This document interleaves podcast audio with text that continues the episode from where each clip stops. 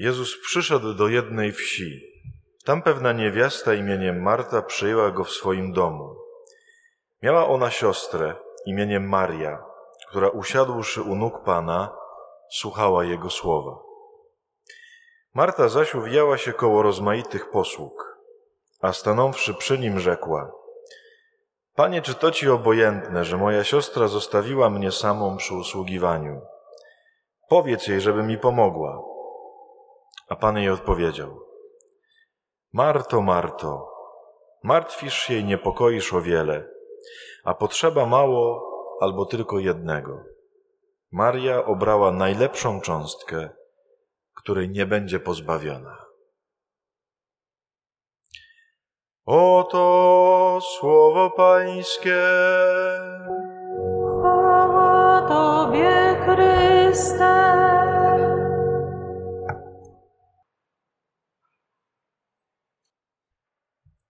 Moi drodzy, wczoraj, kiedy mówiliśmy o y, pierwszym rodzaju miłości, o miłości w kierunku samego siebie, wspomniałem o Marcie i o Marii.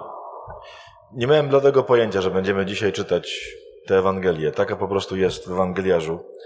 Więc kiedy do niej zajrzeliśmy i zobaczyliśmy, że jest akurat ta opowieść, to no mamy takie przekonanie, że Pan Jezus nas prowadzi i że y, chyba chce, żebyśmy mówili to, co mówimy.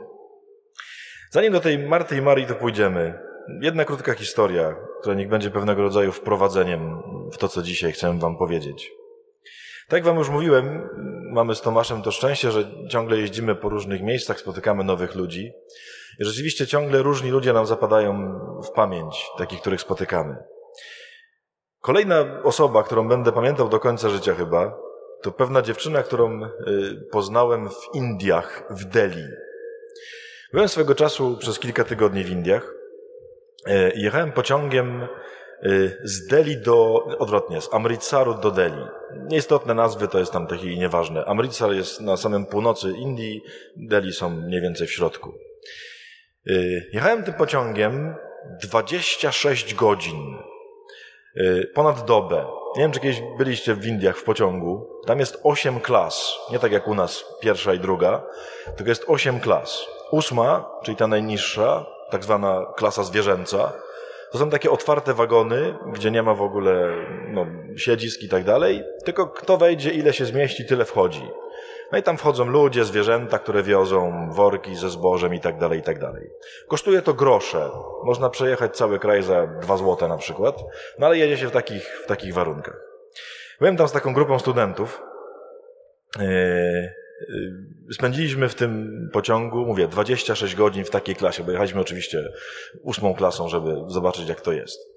Łatwo się domyślić, w jakim byłem stanie, kiedy z tego pociągu po 26 godzinach e, wysiadłem. Byłem ledwo żywy. Wysiadłem, usiadłem na takim krawężniku przed dworcem e, w Delhi. Mówiąc brzydko, ciepnąłem plecak na ziemię i miałem taką myśl w głowie, siedzę tu i nie ruszę się przez najbliższe dwie doby, e, aż jakoś odtaję po tym, co się wydarzyło. I wtedy się wydarzyła strasznie ciekawa rzecz. Podjechała, tak dwa metry przede mną, dziewczyna na skuterze, mniej więcej moich rozmiarów, czyli taka słuszna dziewczyna, ubrana cała na kolorowo, wyglądała jak taki wielki wieloryb na skuterze, nie? Miała dosyć długie włosy, zajechała, miała taki kask z taką szybką tutaj, zdjęła ten kask, jak na takich filmach na zwolnionym tempie tak rozwinęła włosami, zatrzymała się dwa metry przede mną i patrzy na mnie. Ja tam siedzę taki zmarnowany koło tego plecaka.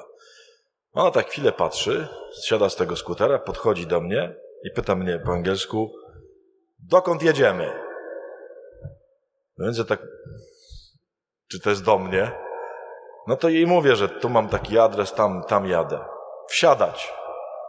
No to słuchajcie, w ogóle nie myśląc zupełnie, byłem w takim stanie. Wziąłem ten plecak, założyłem go na ramiona, wsiadłem za nią za ten, na ten skuter, objąłem ją i pojechaliśmy. Słuchajcie, jestem przekonany, że widok musiał być przepiękny. Dwa wieloryby, plecak jeszcze z tyłu, taki mały skuter przez cały ten Amritsar. Tam, gdzie jechałem, no miasta w Indiach są dosyć duże, nie? Bo tam jest strasznie dużo ludzi. Jechaliśmy chyba z 25, może z 30 minut tym skuterem, gdzie w końcu dojechaliśmy tam, gdzie ja chciałem dojechać. Dojechaliśmy tam, zsiadłem yy, i pytam jej, słuchaj, ale w ogóle kim ty jesteś i dlaczego ty mnie tu wieziesz? I zaczęliśmy rozmawiać. Co się okazało? Ta dziewczyna y, miała na imię Dalu. Mieszkała tam w, tej, w, tym, w tym mieście od urodzenia. I ma taki życiowy projekt od dwóch lat, że jeździ tym skuterem po tym mieście i wypatruje ludzi, którzy według niej potrzebują pomocy. Starszych, niepełnosprawnych, wyglądających, wyglądających tak jak ja, czyli takich po prostu nie do życia. I zawozi ich tam, gdzie potrzeba ich zawieść. Ja oczywiście myślałem, że będzie od razu chodziło o jakąś mamonę, nie? Że to taka usługa, oczywiście potem trzeba zapłacić. Okazuje się, że nie. Ona nie wymaga żadnych pieniędzy. Oczywiście, jeżeli ktoś jej coś da, to ona oczywiście bardzo chętnie przyjmie, ale nie wymaga żadnych pieniędzy. Mówi, czasem mi ktoś daje, czasem mi nikt nie daje. Jeżdżę, tak mówi, przez pół dnia, jak tylko mam czas, a mówi, nie mam nic innego do roboty. No tak jeżdżę i podwożę ludzi. Wiecie, rozmawiałem z nią tam może jeszcze za 20 minut. Opowiedziała mi tam kilka różnych historii, właśnie kogo tam wiozła i tak dalej, i tak dalej. Potem się pożegnaliśmy, uściskaliśmy się i pojechała. Nigdy więcej nie widziałem jej w życiu. Często ta dziewczyna wraca mi do głowy, dlatego że bardzo mnie fascynują jej oczy. I nie chodzi mi jej oczy w sensie to, jak wyglądają jej oczy, tylko chodzi mi o, pewnym, o pewną ideę, która stoi za tymi oczami. Bo to jest taka idea, że jeżdżę po świecie i szukam, gdzie ktoś potrzebuje pomocy. Czyli takie oczy nieskoncentrowane na sobie, oczy nie myślące przede wszystkim, czego mi potrzeba, tylko takie oczy, które się ciągle rozglądają, gdzie jest ktoś, kto wygląda, że można by mu pomóc. Dla mnie ta, ta dziewczyna to jest w ogóle jakiś taki bardzo piękny obraz Pana Jezusa. Ona nie była chrześcijanką, ona była miejscowa, była wyznawcą hinduizmu, ale miała w sobie, myślę, oczy Jezusowe. Bardzo ładnie papież Franciszek napisał, nie wiem czy już czytaliście, bo to dwa dni temu chyba wyszło, papież Franciszek napisał nową encyklikę, Fratelli Tutti. Wyszła właśnie jego trzecia encyklika. Papież tam napisał takie bardzo piękne zdanie, że bardzo wielu ludzi niewierzących może żyć duchem chrześcijańskim znacznie bardziej niż ludzie wierzący. Że można być człowiekiem niechrześcijaninem, a mieć serce, oczy, głowę znacznie bardziej chrześcijańskie niż chrześcijanie. Jestem przekonany, że ta dziewczyna miała w sobie oczy Pana Jezusa. Nieustanne wypatrywanie, jak pomóc. Dlaczego o tym mówię? Kochani, tak jak wczoraj Wam mówiliśmy, że będziemy mówić o miłości własnej, dzisiaj chcemy powiedzieć o miłości drugiego człowieka. Mamy dzisiaj doskonałe czytania, które to pokazują. Doskonałe. I pierwsze, i drugie.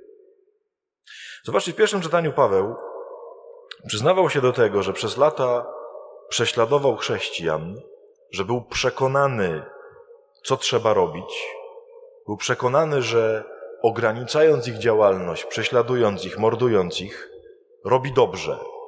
I potem się nagle zorientował, że wszystko, co robił, to nie tak. Że wszystko, co mu się wydawało, co myślał, że trzeba tym ludziom zrobić, to nie tak. Czyli nastąpiła jakaś zmiana myślenia u świętego Pawła. Zaraz do tego wrócę. Mamy w Ewangelii dzisiaj cudowną Marię, bo dzisiaj nie o Marcie, tylko o Marii. Mogłoby się wydawać, że kiedy mamy mówić o tym, kto komuś pomaga, no to Marta tu najbardziej pasuje, nie? No bo Marta to jest ta, co robiła obiad. Uwaga, nie. Tą, która najbardziej w tej Ewangelii pomaga, jest Maria, nie Marta. Dlaczego? Dlatego, że zobaczcie, do domu, do Marty i do Marii przyszedł Pan Jezus. Co zrobiła Maria? Maria rozpoznała, czego mu potrzeba. Uwaga, jemu nie było potrzeba zupy, tylko kogoś, kto go wysłucha. Maria rozpoznała prawdziwą potrzebę Pana Jezusa. Nie tą potrzebę, którą ona myślała, że trzeba mu dać, tylko to, czego naprawdę Pan Jezus potrzebował. A On potrzebował uszu, oczu i serca, które posłuchają tego, co On ma do powiedzenia. I tą, która naprawdę usłużyła Panu Jezusowi, mimo najlepszych chęci Marty, była Maria, a nie Marta. Kań dlaczego? Co to znaczy kochać drugiego człowieka? Jest taka genialna definicja Arystotelesa, czyli prawie że od początku naszego myślenia w tym świecie, którą potem przejął Kościół, przejął tę definicję święty Tomasz z Akwinu, jak będzie pisał o swojej wersji miłości i tak dalej. Przejęli to różni teologowie, ale wszystko się wzięło do Arystotelesa. Arystoteles mówi tak. Co to jest miłość do drugiego człowieka? To, że to nie są uczucia, to wiadomo. To, że nie chodzi o żadne zakochanie, to wiadomo. Koni, to nie jest miłość. Arystoteles mówi tak. Miłość do drugiego człowieka to chcieć dobra dla drugiego człowieka, nie takiego, jakie nam się wydaje, że jest dla niego dobre, tylko jakie dla niego naprawdę jest dobre. Kochani, to jest bardzo ważna i bardzo mądra definicja. My bardzo często staramy się ludziom dawać dobro, nie? Próbujemy być dobrzy dla kogoś. Ale bardzo często my chcemy dobra, które my sobie wyobrażamy, że jest dla niego dobre, a niektóre jest dla niego naprawdę dobre. Dokładnie to się tutaj dzieje. Paweł był przekonany, że dobrem dla tych ludzi jest ukrócić im chrześcijaństwo, bo to jest zła droga. I robił wszystko, żeby to zamknąć. Był przekonany, że wiedział, jakie jest dobro dla nich. Na szczęście spotkał Pana Jezusa.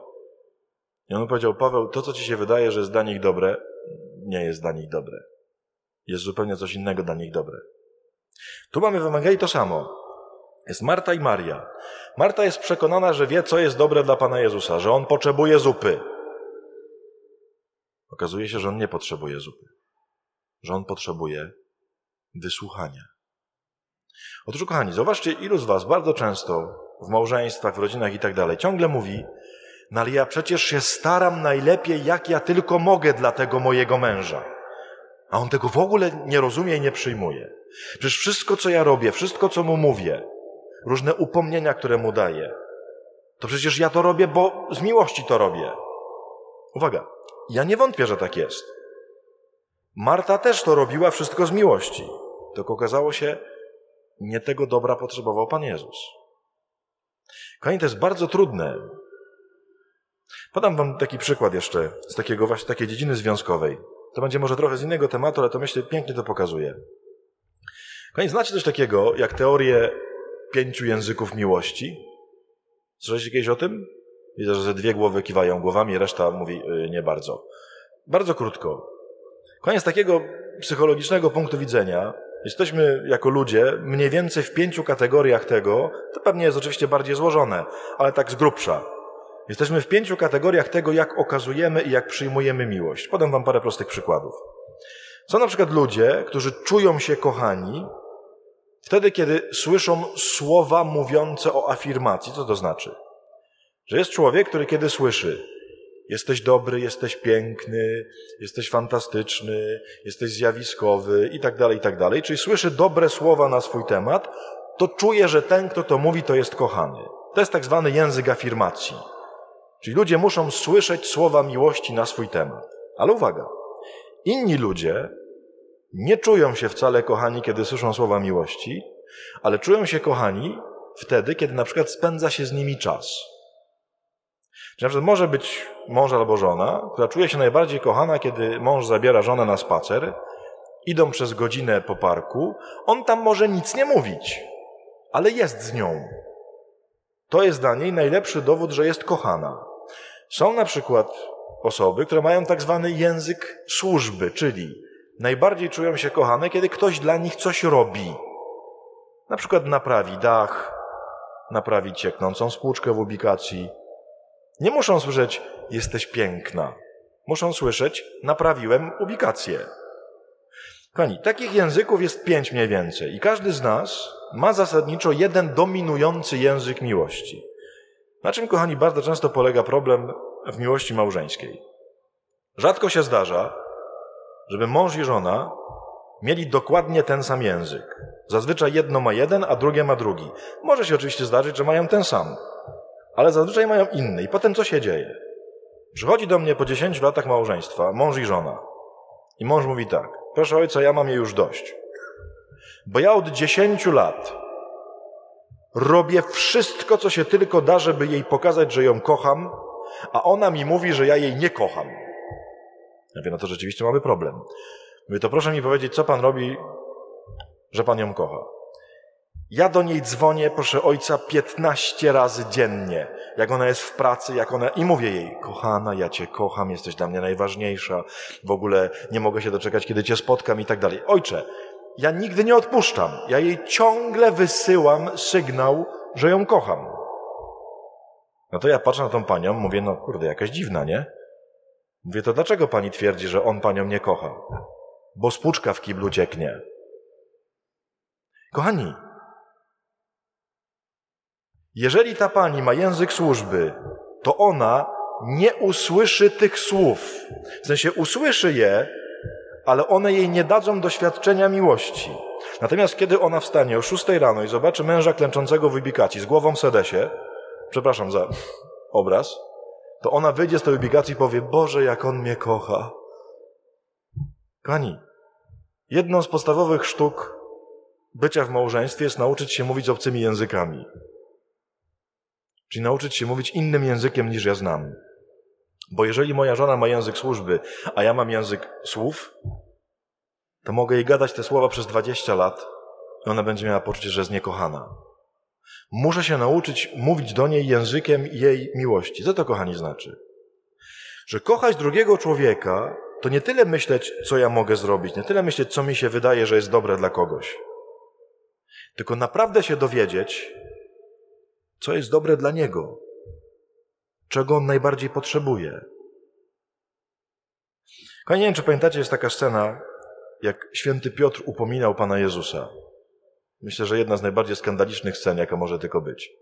Pamiętacie, jak Pan Jezus pod Cezareą Filipową zapytał najpierw uczniów, za kogo uważają mnie ludzie, nie?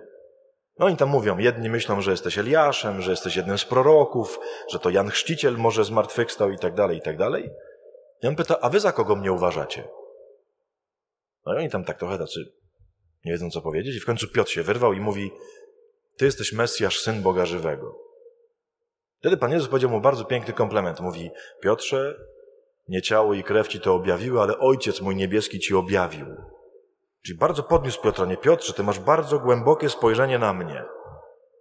I potem Pan Jezus powiedział, i tego Mesjasza, którego rozpoznałeś, zabiją, w sensie umęczą, ukrzyżują, zabiją, pochowają do grobu. Potem zmartwychwstanie, ale będzie umęczony. I Piotr, przekonany, że ma wiedzę wlaną z góry, bo mu to Pan Jezus właśnie przecież powiedział. Mówi, nie, nie, to na ciebie nie przyjdzie. Mówi, nigdy. Mówi, nie mów takich słów. Czyli mówiąc tylko, ja wiem, co jest dobre dla ciebie. Jakie ukrzyżowanie w ogóle? Co ty gadasz? Sam powiedziałeś, że mam tutaj od Ojca wlaną wiedzę. Co ty powiedział Pan Jezus? Oj, straszne mu powiedział słowa. Szatanie to dosłownie oznacza przeciwniku. Tam nie chodzi, że on go nazywa diabłem. Nie. Satanus po grecku to jest przeciwnik. Czyli mówi przeciwniku. Nie myślisz po Bożemu, tylko po ludzku. I tu jest trochę głupie tłumaczenie. Bo po polsku to już tłumaczyli zejdź mi z oczu, albo precz ode mnie, albo odejdź. Nie, tam dosłownie po grecku jest napisane, że Pan Jezus mówi stań za mną. Czyli o co on go prosi? Stań za mną i zobacz, co ja widzę jako dobro. Nie tak, jak ty widzisz, tylko stań za mną i spróbuj moimi oczami, moim spojrzeniem zobaczyć, co jest dobre. A dobre jest to, żebym zbawił ten świat. A dobre jest to, że jeżeli to będzie musiało pójść przez mękę, przez krzyż, to ja tam pójdę. Zobacz, że inne jest dobro, niż się wydaje, że jest. Koniecznie zobaczcie, ilu jest ludzi, którym próbujecie coś dobrego dać, nie? I czasem się bardzo irytujecie, czemu to nie działa, albo czemu ktoś tego nie przyjmuje. A na pewno to jest dobre dla niego? Czasem to dobro polega na tym, że komuś mówicie nie. Przychodzi do mnie chłopak z dziewczyną, gadam z nim, on mówi do mnie tak. Proszę księdza, jestem z nią od trzech lat. Tacy jeszcze przed małżeństwem, nie? No ja jej nie kocham chyba. Lubię ją bardzo, dobrze mi z nią było, ale no nie wyobrażam sobie, że będę z nią przez całe życie. Jestem z nią, bo ona sobie beze mnie nie poradzi. Chciałbym jej po prostu pomóc. Nie chcę ją zostawić samą. Ja mówię, chyba zgłupiałeś. No ale jak to? Przecież jak ją zostawia samą, to ona się załamie.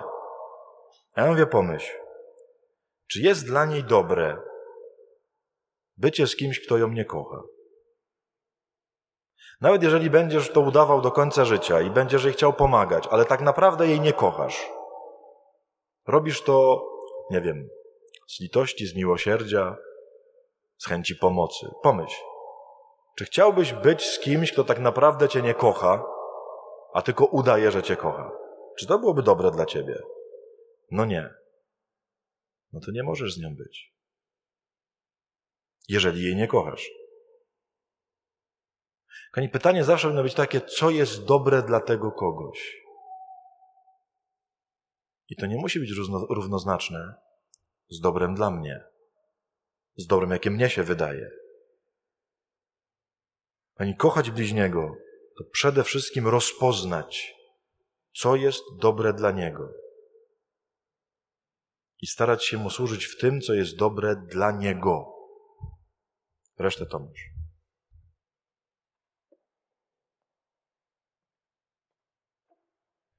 Ale jak to możemy zobaczyć, jak mamy popsute oczy? Bo to jest, myślę, y, podstawowy kłopot, który nas dotyczy.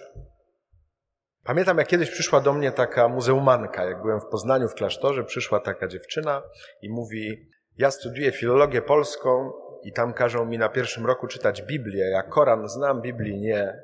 Czy pan mógłby mi wytłumaczyć? Ja się przestraszyłem, mówię, to ile lat musimy razem spędzić, żeby Biblię wytłumaczyć.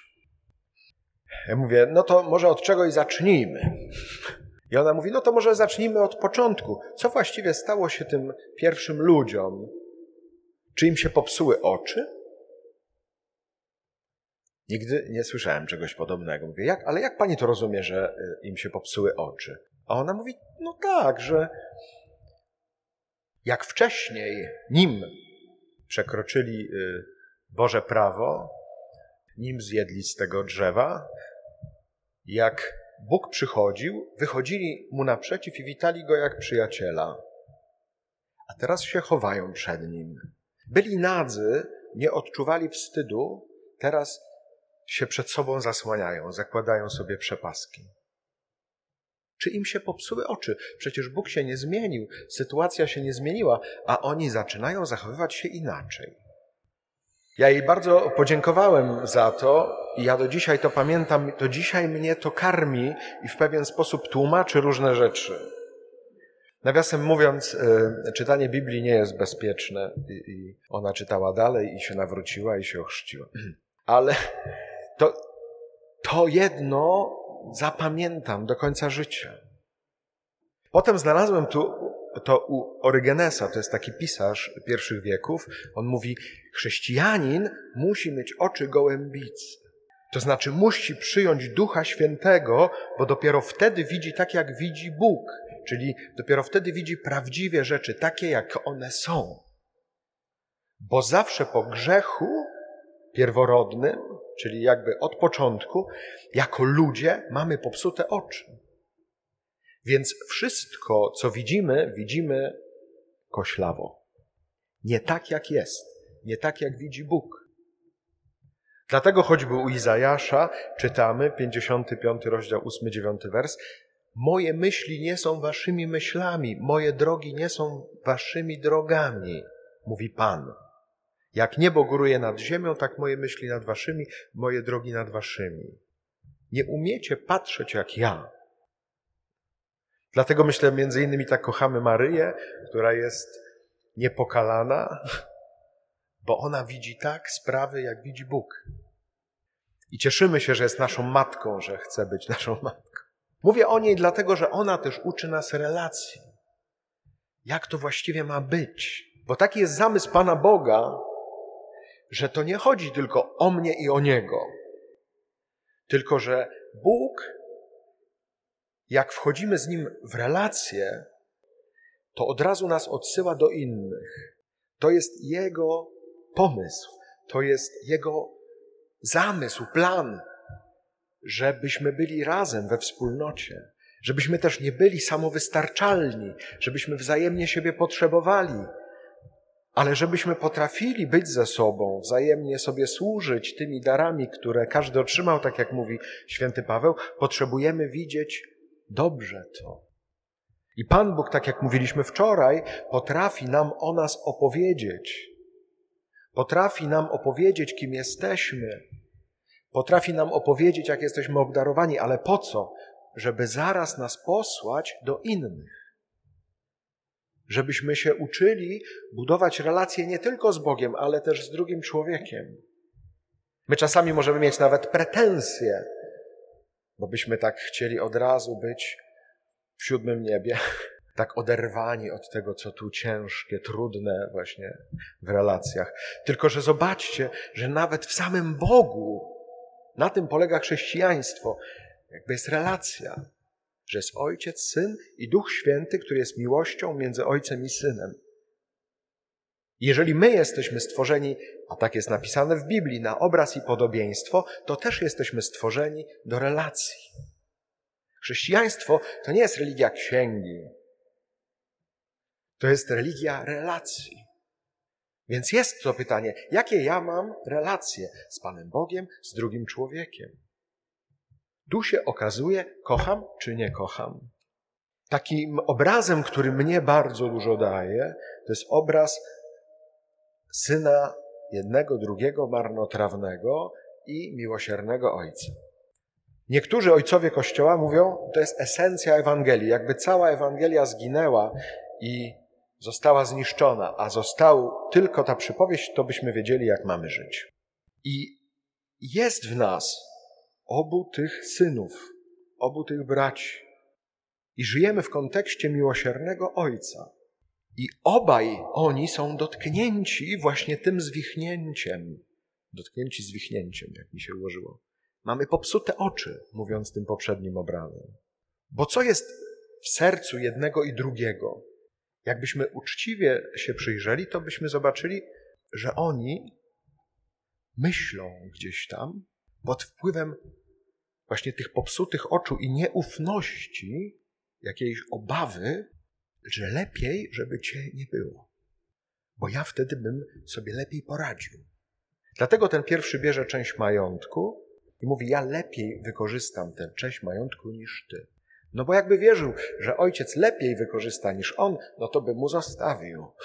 Ale myśli: Nie, ja lepiej to zrobię a drugi, jak przychodzi z pretensjami po tym, co zrobił ojciec, czyli że przyjął jego brata, też tak naprawdę co mówi, ja bym to lepiej zrobił niż ty. To jest proste pytanie i ćwiczenie dla każdego z nas. Popatrz na siebie, na innych wokół, na swoją sytuację życiową i pomyśl, jakbyś był Panem Bogiem, zrobiłbyś to lepiej niż jest? Czy nie jest w nas coś takiego? Ja bym lepiej wymyślił ten świat, ja bym lepiej wymyślił moje życie, ja bym lepiej wymyślił, ulepił siebie niż to, co teraz widzę. Tylko, że widzisz koślawo, bo masz popsute oczy. Nie widzisz tak, jak widzi Bóg. I nie widzisz tak siebie, ale też przez to nie widzisz tak drugiego człowieka. To między innymi nas oszukuje i powoduje to, co Adam powiedział, czyli że ja projektuję na innych, jak by to zrobić, żeby im było lepiej. Ja lepiej wiem, co oni powinni zrobić, jak powinni żyć, jak to powinno wyglądać, żeby to naprawdę miało ręce i nogi. A jednocześnie bardzo często umiemy przestrzelić właśnie z pragnienia dobra, z miłości, że tak dobrze chcemy dla siebie, dla innych, tak byśmy wszystkim pomogli. To jest taka historia o zamartwianiu, y, której byłem uczestnikiem. Kiedyś, jak zostałem przełożonym w Łodzi, w klasztorze, prze, prowincjał, czyli jeszcze ten wyższy nasz przełożony, nie dawał nam ekonoma do klasztoru. W męskim klasztorze, jak nie ma ekonoma, to koty w kątach zamieniają się w tygrysy. Jest, mówiąc krótko, brud, smród i ubóstwo. I nie tak, że go nie było miesiąc, dwa, ale już nie było trzy, cztery miesiące. Taki był stan klasztoru. Jeszcze dodatkowo miałem drugiego brata, który chorował poważnie i w ogóle nie słuchał lekarzy. I ani prośbą, ani groźbą nie można go było zmusić do tego, żeby w ogóle się ogarnął. Po tych trzech miesiącach już bracia zaczęli mi sygnalizować, ty już na wszystkich warczysz. Ale przecież ja jestem pluszowy misiu. Jak to? Skąd te pazury i zęby? A jednak. Mówię, coś jest ze mną nie tak, ale nie wiem co. Wyjechałem, pamiętam, na pielgrzymkę. Właśnie Adam był na tej pielgrzymce. Mówię, a pojadę szóstaka, posłucham, może coś się usłyszy. Ale szóstak nic nie powiedział. Ale Zamorski Tomasz, też z naszego klasztoru, który ze mną przyjechał, nagle słyszę, jak mówi na postoju. Zamartwianie się, jak sama nazwa wskazuje, jest stawanie po stronie śmierci. Zamartwiać się. Jak usłyszałem to zdanie, mi się głowa otworzyła. Mówię, ja na to jestem chory. Wracam z diagnozą, ale bez pomysłu na leczenie, do Łodzi i spotykam Wojtka Jędrzejewskiego. Dobrze jest żyć w klasztorze braci kaznodziejów. I mówię mu przy śniadaniu, Wojtuś, ja już wiem, na co jestem chory, na zamartwianie, ale nie wiem, jakie jest lekarstwo. On mówi, ja, ja ci powiem, bo ostatnio mówiłem o tym konferencję. Ja słucham. On mówi, bo jest rozróżnienie. Jest zamartwianie się i jest troska. Jaka jest różnica? Bardzo prosta. Troszczysz się o rzeczy, na które masz wpływ, zamartwiasz się rzeczami, na które nie masz wpływu. I tylko dodał, i ty masz jeszcze kobiecą wersję zamartwiania. Dla wyjaśnienia, na czym polega różnica? Facet, jak się zamartwia facet? Szuka se innej roboty i tak się zarabia, żeby nie pamiętać o tym, nie? o tej sprawie. Albo pije, to jest druga wersja. A kobieta międli w sobie. Ta, ta, ta, ta, ta, ta, ta, ta, ta, ta, ta, ta, ta. A, może jak ja bym bardziej poprosił tego przełożonego, to by mi dał tego ekonoma, a może jakbym się bardziej pomodlił, a może jakbym inaczej podszedł do tego brata, to by słuchał tych lekarzy, a może... Tylko zamartwianie właśnie stawia cię po stronie śmierci i po prostu siejesz śmierć. To nie tylko już ty umierasz, ale wszystko wokół ciebie umiera, nie? Ja miałem taką ciocię, wchodziłeś tylko do przedpokoju, na przykład na imieniny, jeszcze nie dałeś kwiatów, a już było pepe, pepe, pepe, pepe, pepe, albo ten mąż taki, albo te dzieci takie, pepe, pepe. Ty jeszcze nie dałeś kwiatów, a już szukasz, gdzie jest okno, żeby wyskoczyć. Nie do zniesienia zupełnie, tak. I do tego jeszcze to latami może trwać. Ja tam 3-4 miesiące, a to w ogóle latami takie w kółko, nie? Jak ja sobie to uświadomiłem, zaraz zaczęły do mnie przychodzić takie osoby, nie? Że właśnie kobieta przychodzi, a mój syn nie chodzi do kościoła, nie? A ile syn ma lat? 50, a od ilu nie chodzi? Od 30. A ile razy pani mu to mówiła? Tysiąc. Może pani nie ma na to wpływu. Czy ja mam wpływ? To się rodzi z miłości, bo ja kocham tego człowieka, to się rodzi z pragnienia dobra, bo ja chcę dla niego jak najlepiej, tylko realnie nie mam wpływu na to, żeby ktoś się zmienił, żeby cokolwiek było inaczej, nie mam wpływu. Ale co, ktoś mi zabroni tym żyć? Nie, ja mogę żyć. Potrzebujemy wtedy bardzo drugiego człowieka, bardzo często. Na tym to polega. Czasami Pan Bóg zadziała, ale takiego kogoś, kto walnie pięścią w stół i powie dość. Dość już tego trajkotania. Bo mówię też o mężczyznach, że potrzeba kobiety, która powie dość. Albo jeszcze mam niespłacone kredyty, albo jeszcze coś trzeba załatwić, albo trzeba jeszcze.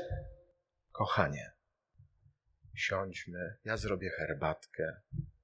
Kupiłam szarlotkę, zjedzmy. Nie masz na to wpływu. Jasne, że też ja i wszyscy by chcieli, żeby to już było załatwione, ale realnie nie spłacisz tego dziś. Nie ma co tym żyć i się zamartwiać, bo będziesz w śmierci. A jednocześnie, jak, o co właściwie w tym chodzi? Bo jak ja zobaczyłem, że to jest diabelstwo pierwszej wody i bardzo wielu z nas na to cierpi, latami cierpi, to ja wtedy pytam, Panie Jezu, ale o co chodzi w tym? Dlaczego diabeł nam tak Bo jak on nas wpuści w ten kanał, to już może sobie jechać na wakacje i w ogóle nic nie musi robić, bo już my się sami zamęczymy. Po co to? A odpowiedź jest z przedszkola, banalna. Dlaczego cię diabeł wpuszcza w kanał, żebyś się zajmował ciągle rzeczami, na które nie masz wpływu? Żebyś się nie zajmował rzeczami, na które masz wpływ. I mógłbyś budować Królestwo Boże. I mógłbyś rozszerzać to, co dobre, piękne, prawdziwe. Nie robisz tego, ponieważ ciągle cała para, cała energia idzie w gwizdek do kanału. I z dobrych chęci, i z miłości, ale do kanału. I pewnie nie można tego zrobić raz na zawsze, bo ja ciągle się łapię na tym, że ciągle mi wraca taka tendencja do zamartwiania, ale przynajmniej już coś wiem i mam na szczęście braci, którzy mi powiedzą już dość. To jest dla mnie taka ulga. Kiedyś coś tam z samochodami mieliśmy jakiś problem, pamiętam. Ja mówię na kapitule, a czy ja się tym za bardzo nie przejmuję? A Adaś mówi, za bardzo. I czuję jaka ulga. To znaczy, nie muszę. A ja miałem przeświadczenie, że jakoś muszę. No bo kto niby to zrobi? Może nikt. To bardzo, dlaczego o tym zdecydowałem się powiedzieć? Dlatego, że to bardzo mocno wpływa i kształtuje relacje między nami. I jak tu się o siebie wzajemnie nie zatroszczymy, nie zdecydujemy się poznać, na co ten drugi tak naprawdę cierpi, jakie ciężary musi nosić, to żebyśmy nie wiem jak kochali, to jesteśmy w pułapce. I nikt nie chce tej pułapki. Tylko daliśmy się wpędzić w jakąś ślepą uliczkę. Jesteśmy trochę jak takie osiołki w kieracie. Chodzi, chodzi, poci się, a ciągle jest w tym samym miejscu. I rzetelnie pracuje. Nowszy obraz jest jeżdżenie po rondzie. No? Gazujesz.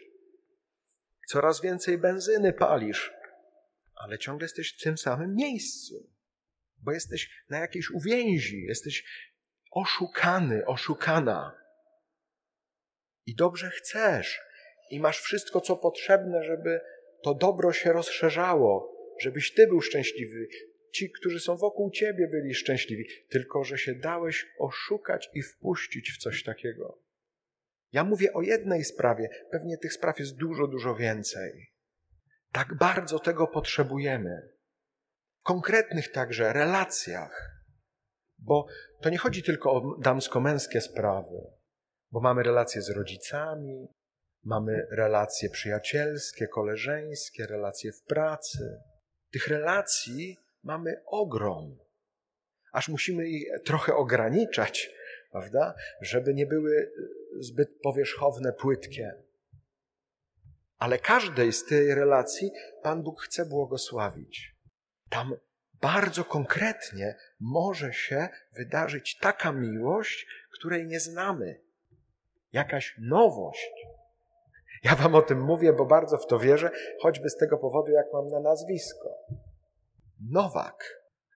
Kiedyś, jak dzwonię do mamy, mówię tak, E, że o, cześć mamo, coś tam gadamy, a ona mówi tak, co u ciebie? A ja mówię, nawróciłem się, a ona mówi, znowu? A ja mówię, przecież ja się nazywam Nowak. Co się dziwisz? To taka dygresja może jeszcze, że ojciec Jachim Badeni, tak jak już mówiliśmy, mistrz nasz duchowy, kiedyś do mnie mówi tak, jak ja chciałbym nazywać się Nowak, wtedy mógłbym być nikim.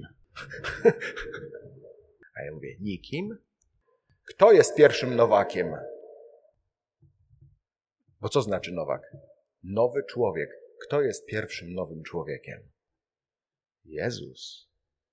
Ojcze Achimie, nie chcesz? Czy chcesz?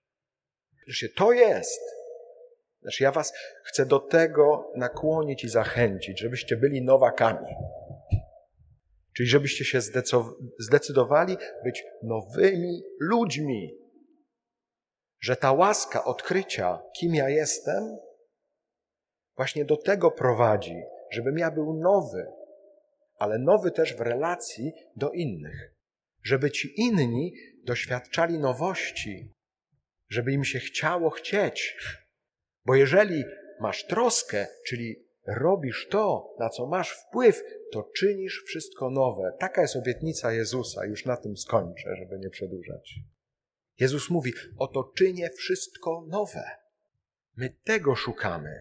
My się nie zadowalamy tylko tym, żebyśmy tutaj podczas tych misji tylko lekko odkurzyli, czy nawet przemalowali za mało. Ta konsekracja, to namaszczenie ma nas przemienić, uwolnić od śmierci, od tego wszystkiego, co nas oszukuje, wydobyć z tej ciemnej dziury, z tej ślepej uliczki, żeby dać nam nowe życie. Tak naprawdę na to liczymy i e, na to oczekujemy i o to się modlimy. Amen.